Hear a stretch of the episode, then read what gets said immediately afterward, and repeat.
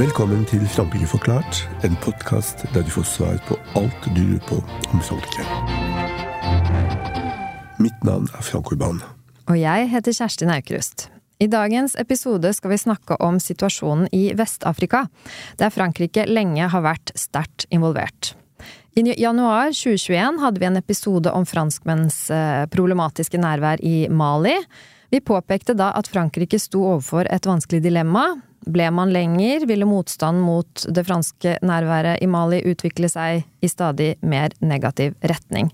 Men forlot man landet, kunne man risikere at det ble en ytterligere destabilisering. Og franskmenn måtte til slutt forlate landet. Det samme skjedde i Burkina Faso, et land som grenser til nettopp Mali, men også til Niger, der den politiske eh, situasjonen for tiden er svært spent.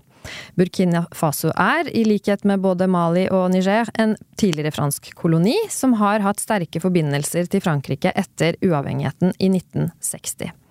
Hvilke innenriks- og utenrikspolitiske krefter står bak motstanden mot det franske nærværet? Hva kommer til å skje med Burkina Faso fremover, og hvem vil kunne ta franskmennenes plass? Og hva med situasjonen i Niger, som nylig ble gjenstand for statskupp, og hvor en del av opinionen også vil se franskmennene pakke sammen og dra? Hva er fellesnevnerne for disse tre landene? For å svare på alle disse spørsmålene har vi fått med oss Viljar Håvik. Velkommen. Tusen takk. Viljar er stipendiat på Norsk utenrikspolitisk institutt, tilknyttet forskningsgruppen for fred, konflikt og utvikling som er en del av forskningsprosjektet Sårbare stater, statsbygging og skatt. Viljars doktorgrad tar for seg hvordan sårbare stater sin politiske mulighet til å skattlegge blir utfordret av ulike eh, ikke-statlige aktører med et fokus på Mali og Liberia.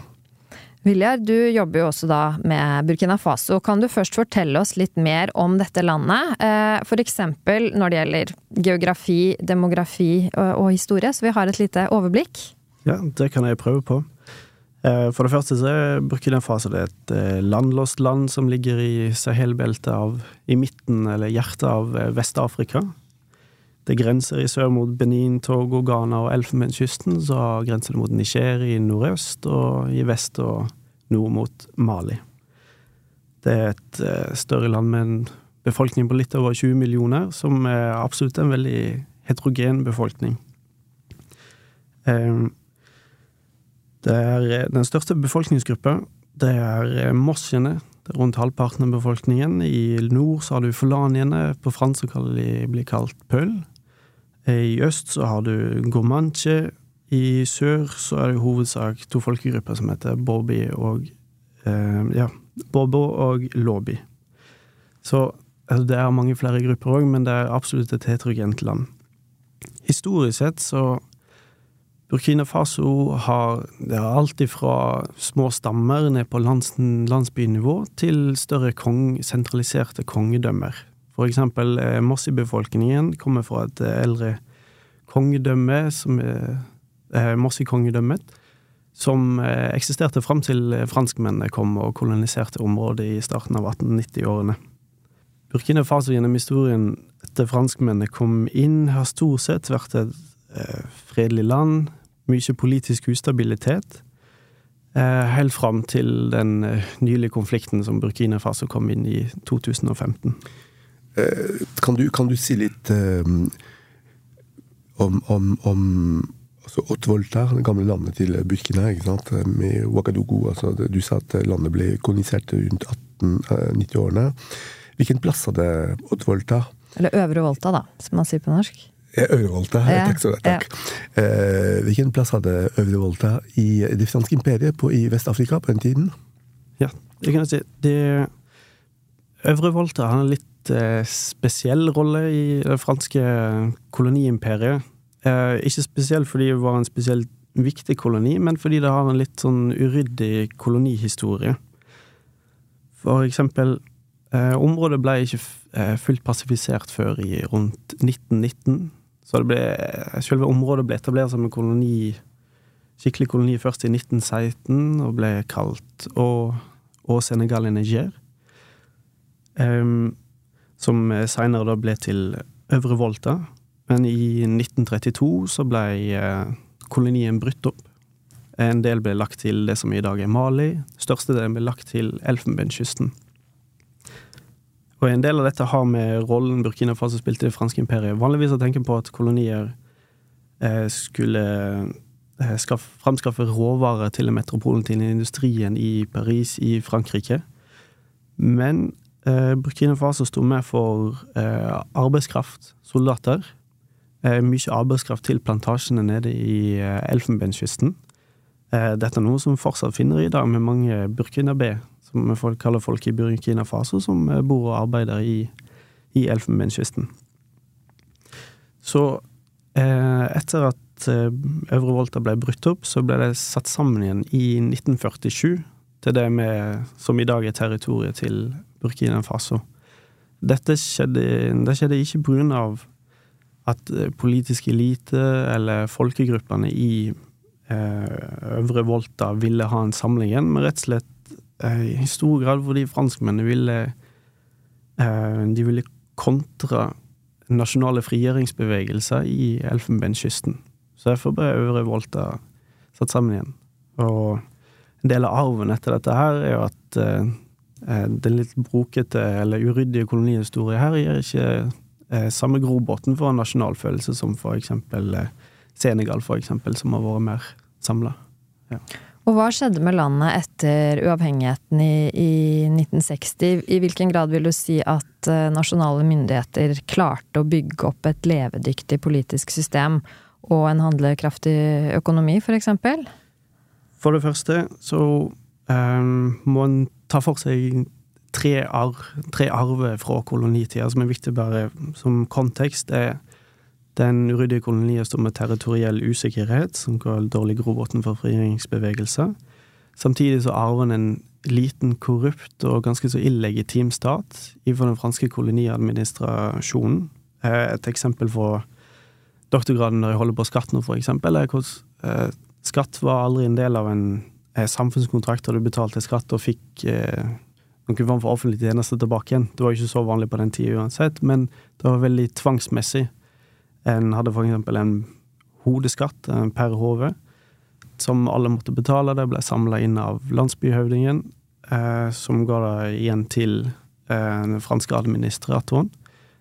Og de pengene, de så du aldri noe igjen av, som oftest. Så det er det. Eh, og så er det òg at Burkina Faso var eh, veldig avhengig av fransk støtte. Eh, eller Øvre Volta på denne tida, mener jeg er veldig avhengig av fransk støtte. Så, det, så uavhengigheten var ikke et rent brudd. Det var ikke heller nødvendigvis en, et sterkt ønske om å rive, rive seg løs som en egen nasjonalstat heller. Ja. Det, det, skal vi komme inn på uh, i neste spørsmål. Men et spørsmål først. I, i hvilken grad vet befolkningen i Burkina, altså Øvre eller Volta byttet navn til Burkina Faso i 1984, stemmer det? Ja, stemmer. Eh, hvor mye vet eh, eh, befolkningen i Burkina om dette problematisk, denne problematiske historien med, med Frankrike? For det, det, vil kunne ha noe å si. Men hvor opplyst er folk om den delen av sin egen historie? Ja, det tror jeg varierer veldig. Altså, du vil, hvis du snakker om intelligens igjen, den urbane intelligensen, de som er utdannet, så er de for eksempel mange inspirert av sånn postkolonial teori og den type ting, og er ganske opplest på eh, Øvre Voltas eh, historie, Burkina Fasos historie. Men når det kommer til folk flest, som kanskje ikke kan lese og skrive, så er det eh, Altså, gamle historier, de går igjen. De blir gjenfortalt. Så eh, lidelsene til besteforeldre eller oldeforeldre, disse historier som vil som vil gå igjen, og fortsatt kan påvirke hva folk tenker, tenker i dag. Men når det er sagt, så er nok eh, dagens unge og dagens befolkning mest opptatt av det som foregår i dag, i dag med dagens forhold med Frankrike. Absolutt. Mm. Og du sa også at det ikke skjedde noe klart brudd eh, etter uavhengigheten, men at det var mer sånn glidende overgang sant, til noe annet. Mm. Og man har ofte kritisert Frankrikes nærvær i uh, tidligere kolonier etter uavhengighetsbevegelsen på begynnelsen av 1960-tallet eh, for å ha fortsatt å dyrke på en måte et nært forhold til, til tidligere kolonier. Enten når det gjelder politikk, økonomi, kultur, eller til og med enkelte militære avtaler som disse landene undertegner med, med, med, den tidligere koloni, kolonimakten. Selv kolonisystemet ble erstattet med, et, med det, det, som ble kalt samarbeide, kooperasjon.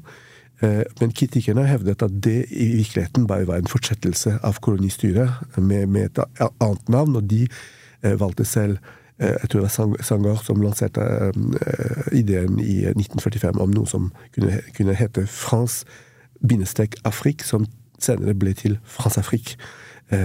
Som et uttrykk på dette, dette, spesielle forholdet mellom Frankrike og tidligere kolonier. Eh, og alle franske presidenter de har uttrykt et ønske om å bli ferdig med et slikt system. Men det, det bare egentlig vedvarte. Uh, hvilken plass, hvilken funksjon har Burkina i dag i Frankrikes nærvær i, i, i Vest-Afrika? Burkina Faso som en del av dette systemet som man kaller France Afrique. Burkina Faso er ikke det det er ikke en av de landene som har spilt en eh, større rolle i det systemet, som antyder fra kolonitida, men det har kontinuerlig vært eh, politisk-militært samarbeid. Selv om Burkina Faso er et land som har hatt eh, mange politiske skifter. Den første demokratisk valgte presidenten ble kasta etter seks år, og så kom en serie med militære regimer. De fleste av de har hatt et noenlunde godt forhold med Frankrike, bortsett fra Thomas Sankara, en viktig politisk figur i Burkina Faso, som er, eller det var han som eh, omdøpte Øvre Volta til Burkina Faso. Han er en veldig viktig figur for å forstå eh, dagens Burkina Faso. Han var antiimperialistisk, men andre ledere de har eh, støtta seg på Frankrike, spesielt eh, eksempel den eh, lengstsittende presidenten eh, Blaise Comparé, som satt fra 1987 til 2015. Men Eh, sånn generelt sett så har Burkina vært en del av, eh, de vært en del av franksonen, med valutaen som har vært knyttet opp mot den franske franken, senere tid mot euro. Um, det har alltid vært så Det har vært disse offisielle linkene, samtidig som det har vært uh, mer uformelle koblinger mellom, uh, mellom Frankrike og Burkina Faso. Burkina Faso en del av disse uh, Franco-African Summit, som starta fra 1973, som, var, som egentlig dyrka mer eller mindre familie, familielignende bånd mellom franske presidenter, politiske ledere og statlige ledere. Ja. Burkina ble en del av et um, kan si et regionalt sikkerhetsregime under Blaise Comparé i mer nyere tid. Um, Frankrike har vært uh, politisk og militært tungt involvert i uh, tidligere kolonier, men òg i samarbeid med med lokale statsleder. Blaise Compari eh, var veldig viktig sådan. Han var en, eh, han var en eh, troublemaker i starten av 90-tallet, alliert med, eller, med koblinger mot Charles Taylor, Jonathan Savimbi, ulike opprørsledere i regionen. Men han gjenskapte seg sjøl som en fredsmegler i regionen, og var eksempel en viktig del i innsatsen på å skape fred i Elfenbenskysten med Ouagadougou Peace Accords i 2007.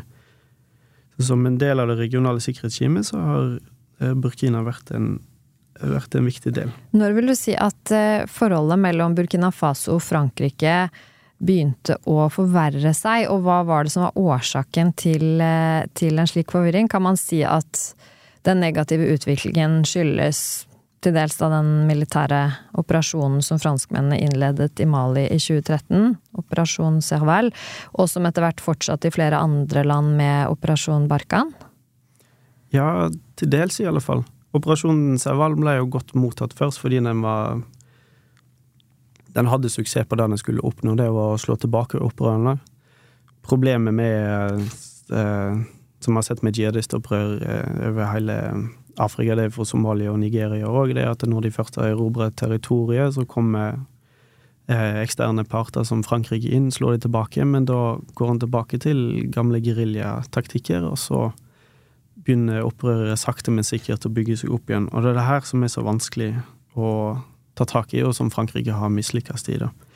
Så det har vært med på å gjøre det veldig upopulært. Men dette akkurat i Burkina, i motsetning til Mali, der eh, militærjuntaen som kom inn i 2020-2021 med president Asimi Goita nå, som er veldig sånn anti-fransk. Eh, Anti-imperialistisk, den måten å legitimere seg på. Så i Burkina så har det vært en mer eh, forsiktig tilnærming, til og med fra eh, militærjuntaen som er akkurat nå. Eh, men hvis du går tilbake til eh, GDS-opprøret kom til Burkina først i 2015, så begynte det å komme angrep og et eget Burkina B-opprør å oppstå.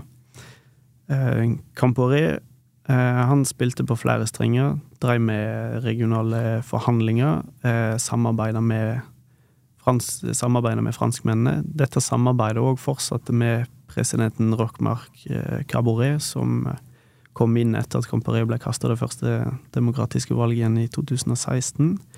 Eh, mer forsiktig tilnærming. Eh, men igjen, når eh, første obersten Damiba kuppa makta i januar 2022. Eh, Frankrike fortsatt sikkerhetspartner. Så det var først med Ibrahima Traoré, som kom inn og tok makt i oktober 23, at eh, ble i hvert fall blant eh, de øvrige statlige organene og de som styrer, at da skifta han over til at Frankrike skulle ut. Russland eh, begynner å diskutere med Russland som en erstatter som sikkerhetspartner. I befolkninga, der eh, kan hell, Der er det mye vanskeligere, i hvert fall for meg, å vite hvordan ting har utvikla seg. Men én ting er arven fra Thomas Sankara, som var veldig populær, som var, hadde en veldig sånn antiimperialistisk eh, ståsted mot Frankrike. Han er fortsatt veldig, veldig populær i dag, og er et skikkelig motstand, motstandssymbol. Um, all den usikkerheten, utryggheten, eh, konflikt, som konflikten har brakt med seg siden 2015, eh, der samarbeidet med Frankrike eksempel ikke har fungert, ting har ikke blitt bedre. Det har i hvert fall en del av befolkningen blitt tolka inn i at eh, Frankrike eh, Det er en sånn oppfatning at Frankrike det er såpass mo, moderne her, det er såpass kraftig her, at de ikke klarer å slå noen skarve geriljaopprørere. Da det er veldig fjernt, jeg skjønner ikke helt hvorfor. Så da har det blant annet kommet opp en konspirasjonsteori om at Frankrike egentlig har et ønske om at den konflikten skal pågå, sånn at de kan få økt sin innflytelse, eller at de var med på å starte alt sammen. Så med befolkningen så er det uttalt misnøye med Frankrike. Det, det som er litt vanskelig her, er at eh, når det kommer til survey-data, og egentlig får vite hva bredere lag av befolkningen egentlig mener, der der har vi veldig dårlig data, så det er vanskelig å vite. I slutten av juli blir den demokratiske valgte presidenten i Niger, Mohammed Bazoum, styrtet av øverstkommunerende for presidentgarden, Abdurrahman Chani. Etter Mali i august 2020, Burkina Faso i januar 22, rammes altså nå Niger av politisk uro. Hva er ifølge deg likhetstrekkene og forskjellene i de tre landene og i hvilken grad kan franskmennene holdes ansvarlig for det? De større likhetene mellom utviklingene i Mali, Niger og Burkina er jo alle tre er land med eh, ekstrem fattigdom, lav økonomisk utvikling. Eh, det er land som ligger langt nede på Human Development Index, som er vanlig mål. Alle tre sliter med eh, jihadistopprør og mange ikke-statlige væpna grupper som kontrollerer deler av territoriet eller utøver innflytelse på deler av befolkningen, så det har ikke et voldsmonopol. Eh, og mye kriminalitet som skaper utrygghet.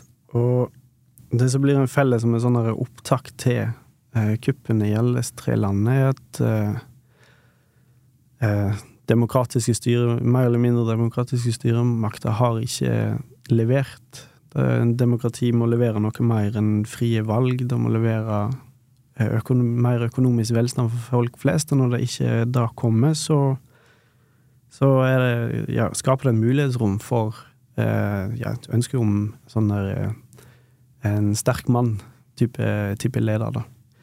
Så det er et fellestrekk som er bygd opp mot kuppen kuppene i alle disse tre landene.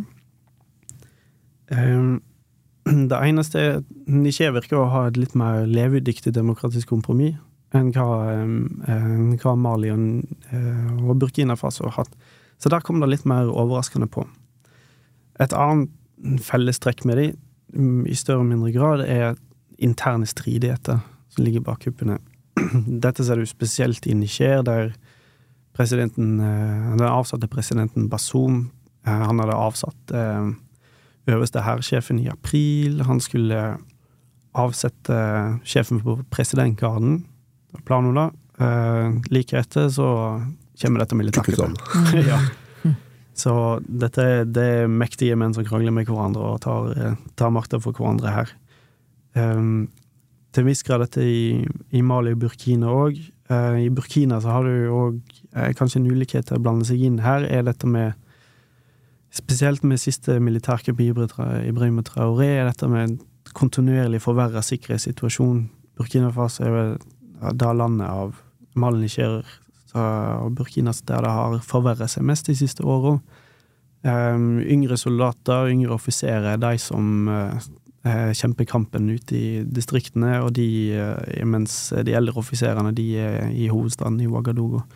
Så der er det en sånn ekstrem misnøye innafor militærene òg. De er ikke enhetlige organisasjoner. Så der er også er det stridigheter som dette kommer ut ifra. Så for å komme over til Frankrike, som For min del, hvis Frankrike har vært en bidragsyter til dette, så er det mer som Det er mer indirekte. Det ene er jo at operasjon, operasjon Barkhan med militærstyrke på 5000 mann, den mislykkes i å stabilisere Mali og slå ned på opprørerne. Det har litt mer fra Frankrike har gått inn med en veldig sånn sik kraftig sikkerhetstilnærming, mens en grunn til at uh, jihadister, eller som blir blir sett på som terrorister i øynene på franske militærstyrker, som oftest er at uh, en, en manns terrorist er en annen manns uh, frihetsforkjemper. Sant? Det har Det er en del eh, det, er mange, det er mange grunner til at disse operaene har oppstått, og det er både politiske og sosioøkonomiske grunner. Og med, med en ren sikkerhetstilnærming så takler en ikke helheten av problemet, da. Selvfølgelig mye av problemet dette ligger jo med maliske styresmakter.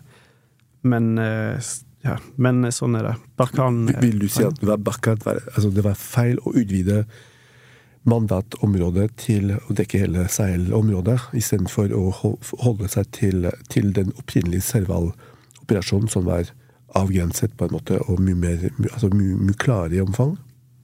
Ja, ja det, det vet jeg ikke helt, men i det minste så har jo Mali og Sahel utviklet seg som et lite Afghanistan for Frankrike, med ja, mission creep. Problemet vi skulle ta tak i internt opprør, som jeg sa, det er at det er, det er så mange ulike grunner til at eh, opprørene oppstår, og det handler ikke bare om at det er noen eh, kriminelle hjerner som finner ut at de kan tjene penger på å bedrive vold og ønsker å, er grådige og ønsker å ta makta. Det er òg folk som eh, folkegrupper, for eksempel uh, fulaniene, uh, som du finner både i Burkina Faso, i Niger og i Mali, som uh, har følt seg undertrykka av, av, myndighetene i, i, i hvert fall i Burkina Faso og Mali. Etter hvert som spenningene har økt, så har statene slått hardere ned på, og så tvinger en folk til å velge ei side, da. Og noen ganger blir det da med seg på som den, den gale sida. Og Frankrike har vært en støttespiller i dette her, med sin sikkerhetstilnærming, med ikke ville eh, en engang om forhandlinger. Det er utrolig vanskelig når det er snakk om eh, eh, islamistiske opprørsgrupper. Men samtidig, disse her opprørsgruppene er ikke en like tydelig del av en sånn global, eh, global terror. Det er snakk om lokale folk med lokale ambisjoner for det meste. Ja. Når Frankrike skyves eh, ut av Vest-Afrika, så kan jo det bety at andre eksterne aktører etter hvert får innpass i, i denne regionen. Og under flere demonstrasjoner i Mali, Burkina Faso og Niger, så, så har man sett blant annet russiske flagg. Man vet også at uh, Wagner-gruppa, som nylig da ser ut til å ha mistet sin leder, har fått eller prøver å få fotfeste i regionen. Hvem vil du si kjemper om makten og ressursene i Vest-Afrika, og hva får de afrikanske landene ut av det? Ja, for det første så er det mange eh, Tradisjonelt sett så er det mange eh, økonomiske interesser, interesser rundt eh, naturressurser. Her er det mange forskjellige land som er aktører som er involvert. Frankrike er tradisjonelt eksempel med urangruvene i Nord-Niger, som er viktig for å drive atomkraftverkene. Så det er jo et eh, stort problem i dag. Men så har du mange andre aktører, som eh, Kina er tungt inne i infrastruktur. Tyrkia, eksempel, bygger det meste av flyplasser. Du har eh, Gulflandene tungt involvert, spesielt i gull. Gullindustrien. Altså Mali eksporterer reelt sett dobbelt så mye enn da de registrerer offisielt, og det, det finner du igjen i importstatistikkene til De arabiske emirater, eksempel. Så det er det er mange aktører som er involvert økonomisk. Gulfland er òg involvert i eh, eh, kulturelt med, med, religion. Eh, men militært så har det jo tradisjonelt vært Frankrike som har vært partneren. USA til en viss grad. Men Russland har i større og større grad fått innpass i denne regionen. Eh, I størst grad med Mali, der det er rett ut militært samarbeid mellom Wagner-gruppa og Mali, og der Wagner deltar i offensive operasjoner mot uh, ulike opprørsgrupper. I Burkina Faso så har det vært litt mer usikkert hva som skjer. Amerikansk etterretning antyder at Wagner er på bakken og støtter, men det er ingen formell avtale. Skjønt eh, Ibrahim Traore uttaler offentlig at Russland er en strategisk partner. Frankrike skal for, eh, vil helst at Frankrike skal fortsatt skal være en alliert, men ikke militært, siden de ba og ba franskmennene om å trekke ut sine militære styrker. Eh, ja. BRICS, alle BRICS-landene sendte en delegasjon i juni til Burkina Faso, for eksempel. Så Burkina er på leit etter andre partnere. Um, Niger uh, Der, der veit vi ikke ennå hva som skjer. Altså, at Niger ikke vil samarbeide med Frankrike, det må jo ikke bety at de vil ta inn en annen partner, men når det er sagt, så er det snakk om eh, det ganske svake stater med eh, hærstyrker og sikkerhetsstyrker som ikke er kapable til å eh, til å takle de opprørene som de har internt akkurat nå. Så det mest sannsynlige er at de vil søke andre partnere, og ja, Russland, selv om eh, Prigozjin styrta med fly i går, eller i forgårs, hva det var, og det er mye av ledelsen, så Eh, av de ekspertene jeg ser som uttalt seg om det, så tenker de at eh, Russland vil fortsette satsingen med Wagner. De har opprettet et alternativt selskap som heter Redot, så Russlands nærvær i Afrika vil nok fortsette og ja eh, ta over en del av de ja, båndene som som Frankrike tidligere har hatt. For Er det ikke slik at, at russenders oppførsel er ganske opportunistisk. fordi Hvis man ser på før kuppet Niger, så var det ikke spesielt eh, rettet noen spesiell kritikk mot franskmenn. Det kom i ettertid, eh, og ikke i forkant av, av kuppet. Så, eh, og vi vet også at det er en del russiske troll som jobber aktivt med å spre frank hva heter det for frank, Ikke frankofoli, men det, det, det, motsatte frankofobi. Eh, i, den, altså i Nigers befolkning for å, for å, få økt innflytelse i landet. Og det er spesielt Russland som har, en, som har, hatt et mål i hvert fall om å jage franskmennene ut av, av Sahel-regionen for, for, å overta plassen. Ja. ja, men det er jeg helt enig med. Er, det er veldig, det er veldig opportunistisk. De tar de mulighetene som, som kommer, virker det som.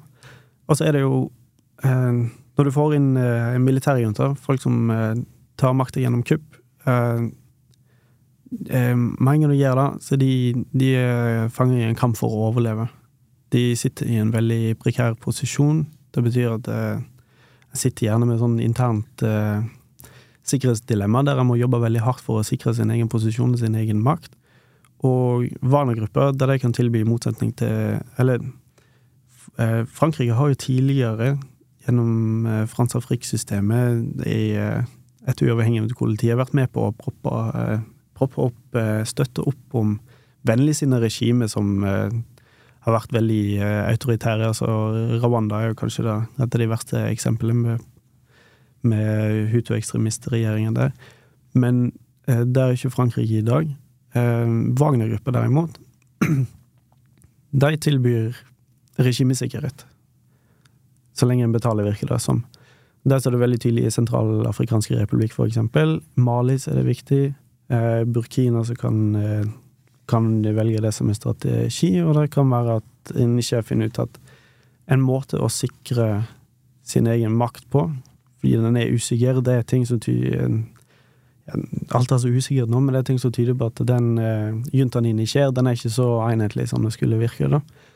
Så ja. Så det er egentlig Wagner kan tilby uh, militær støtte, men det aller viktigste er kanskje den regimesikkerheten det kan tilby. Men du, når franskmennene kastes ut av Mali, Burkina og Niger, så er det ikke umulig at det samme kan skje i flere tidligere franske kolonier som Elfenbenskysten, Senegal, Togo eller kanskje Bella. Eh, og vi skal heller ikke glemme at Guinea, Sudan, Tsjad er ledet av militære, militære som kapper makten gjennom kontroll over deler av de militære styrkene i landet. Så kan dette fortsette?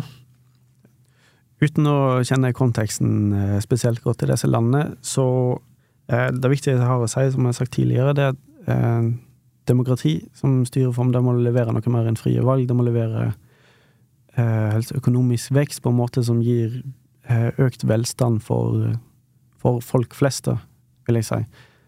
Eh, ellers så eller så vil misnøye med demokrati som styreform fortsette å vokse, og da blir eh, Det gir mulighetsrom for folk som vil Militærstyrker som vil kuppe makta. På slutten av hver episode så ber vi vår gjest om å komme med en fransk anbefaling. Viljar, hva er din anbefaling til våre lyttere? Ja, dette er en bok som jeg gjerne skulle ha lest litt mer og vil etter denne podkasten. Det er en eh, bok som heter Frère Sujet, La France et l'Afrique en perspektiv, av en kar som heter Jean-Pierre Dosson. Det er en bok om, uh, om uh, ja, Frankrikes kolonihistorie og og Frans-Afrik-systemet i etterkant, så det gir veldig sånn uh, enhetlig langt historisk tilbakeblikk på relasjonen mellom Frankrike og kolonien og eh, ekskoloniene. Interessant. Frank, har du også en anbefaling? Eh, det har jeg, Kjerstin. Jeg bygger på det, faktisk, og vil gjerne anbefale en bok skrevet av Pascal Hérault og Antoine Glazer 2021, Le piège africain de Macron du continent à l'hexagone altså Macrons afrikanske felle fra kontinentet til Frankrike. Boken beskriver annet avstanden mellom Macrons opprinnelige ønske om å legge bak seg France-Afrique-systemet, og det som egentlig kom ut eh, av, i løpet av hans første mandatperiode. Uh, også for det som nylig skjedde i Niger, så kan jeg anbefale en episode av debattprogrammet Sénalaire fra uh, 31. juli 23. Putsch au Niger, pourquoi la France s'en Takk for det. Da gjenstår det bare å takke vår gjest Viljar Håvik, så høres vi igjen i neste episode av Frankrike forklart. Au revoir! Frankrike forklart er et samarbeid mellom Universitetet i Oslo og Høgskolen i Østfold. Podkasten er støttet av Det norske universitetssenteret i Paris og Institut Francais i Oslo, og har full redaksjonell frihet. Abonner på Frankrike forklart på iTunes, Spotify eller på andre plattformer der du lytter til podkast. Har du kommentarer til oss eller forslag til temaer vi bør ta opp, kan du sende inn det via vår Facebook-side Frankrike forklart. Alle dagens referanser ligger på denne Facebook-siden og på nettsiden vår. Vi skriver en kronikk i forbindelse med hver episode som belyser dagens tema fra en litt annen vinkel. Kronikken finner dere på forskning.no, Transitmagasin og på nettsiden vår. Thank you.